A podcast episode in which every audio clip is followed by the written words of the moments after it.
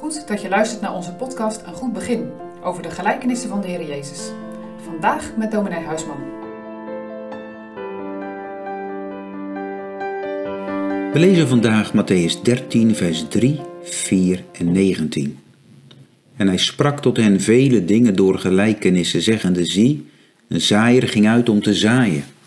En als hij zaaide, viel een deel van het zaad bij de weg, en de vogels kwamen en naten hetzelfde op.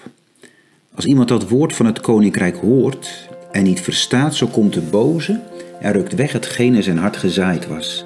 Deze is degene die bij de weg bezaaid is. De komende dagen zullen we met elkaar nadenken over de gelijkenis van de zaaier en het zaad. Deze gelijkenis hebben we ook al kort besproken in de podcast Een Goed Begin, wat ging over het Bijbelboek Marcus. Nu zullen we samen nadenken over de gelijkenis vanuit het Bijbelboek Matthäus. En bij elke gelijkenis is er altijd één centraal thema, waarbij al de andere zaken die genoemd worden ter illustratie zijn van dat ene thema. En dat thema hier is de vraag of er vrucht is op het zaaien. En als we dan samen over die gelijkenis nadenken, dan moeten we oppassen dat we niet het beeld van een Nederlandse akker in onze gedachten hebben. In Nederland kennen we afgeschermde akkers met een omheining in Canaan in de tijd van de Heer Jezus niet. En over die akkers in Israël liepen ook vaak paden van het ene naar het andere dorp. En die paden die waren druk bewandeld, plat getreden, keihard van ondergrond. Dat beeld dat moeten we even vasthouden. En natuurlijk kennen we de gelijkenis. Een zaaier die de akker opgaat, een buidel aan zijn zijde heeft, elke keer een handvol zaad neemt en strooit in een ruime cirkel voor zich uit. Die met een vaste gang over de akker gaat, opdat geen enkel deel van die akker onbezaaid blijft. Zaad is het beeld van het woord van God. Wat gestrooid moet worden, wat gepredikt moet worden. De zaaier is het beeld van degene die het woord brengt. Het zaad strooit. En zoals het in het natuurlijke, kan het ook niet in het geestelijke dat de zaaier het zaad kan laten ontkiemen. Dat de zaaier in staat is om dat zaad vrucht te laten voortbrengen. Dat is onmogelijk. Zoals de Heere in de natuur zon en regen geeft, zo is er in het geestelijke de Heilige Geest nodig, opdat dat zaad in de diepte van het hart valt. En dat het ontkiemt en groeit. En dat gaat helemaal buiten de zaaier om. Dat moeten we aan de Heere overlaten, die met zijn woord doet wat hem behaagt. Maar de zaaier moet wel zoveel mogelijk zaaien. En dan hoe? Bidden tot God om de groei. Ook wijzend op dat de Heer beloofd heeft dat de vrucht op de prediking zal zijn. En misschien zeg je wel, zie nu wel. Ja, hij moet de groei geven. Dat kan ik zelf niet maken. Dat is maar gelukkig ook. Maar verschuil je niet achter je onvermogen. Want onze onmacht is schuld en dat doet niets af van onze verantwoordelijkheid tegenover de Heer en tegenover de prediking die tot ons komt.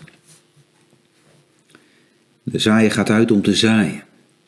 Dan lezen we in vers 4 dat een deel van dat zaad valt bij de weg. Maar dat is geen slordigheid van de zaaier, nee, hij is heel ijverig en hij gaat tot de uiterste grens van de akker, dichtbij dat pad, om dat deel wat dicht bij het pad is, maar niet over te slaan. Ja, en dan vallen er ook enkele korrels op de weg. En die blijven boven op die weg liggen, want dat pad is immers hard. Dat is plat getreden. En wat zien we dan? Vogels die de zaaier volgen en dan precies die korrels die op de weg liggen oppikken. Dat is een les voor de prediker om zeker niet te karig zijn, te zijn met het zaad. Hij moet ruim spreken van de rijkdom van Gods genade in Jezus Christus. En dan geeft Jezus zelf een toelichting in vers 19. Dan gaat het, als het zaad op die paden valt, dat zijn hoorders bij wie het gepredikte woord snel verloren gaat. Hoe dat komt? Omdat dat zaad op een harde bodem valt. Het kan niet ontkiemen, het kan niet in die aarde. Maar het blijft ook niet liggen, want de vogels zijn er heel snel bij om het weg te pikken.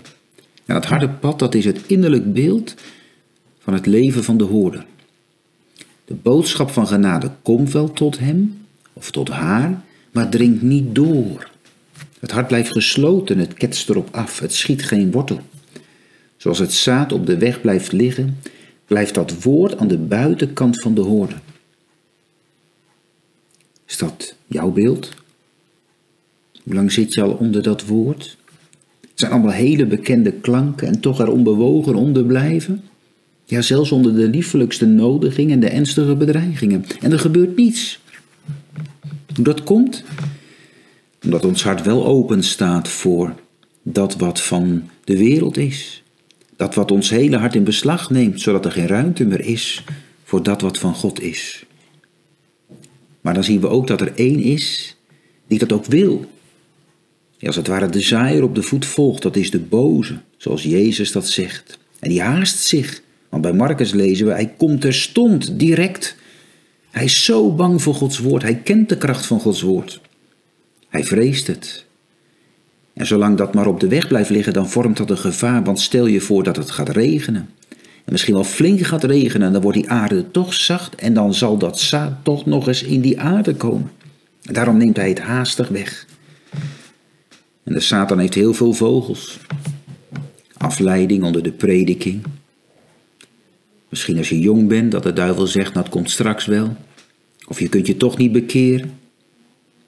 Dat je onbewogen de kerk uitgaat en buiten alweer over andere dingen praat. Maar besef dat de Heer altijd terugkomt op elke preek. Dat wat gezaaid is, daar komt Hij op terug. En dan mag het gebed wel zijn. Heere, mag dat zaad in de goede aarde vallen. Schenk uw geest en uw goddelijke liefde opdat ik horen mag en verstaan mag wat ik nodig heb tot zaligheid. Zou jij vogels kunnen noemen, ook in je leven, die het zaad wegpikken?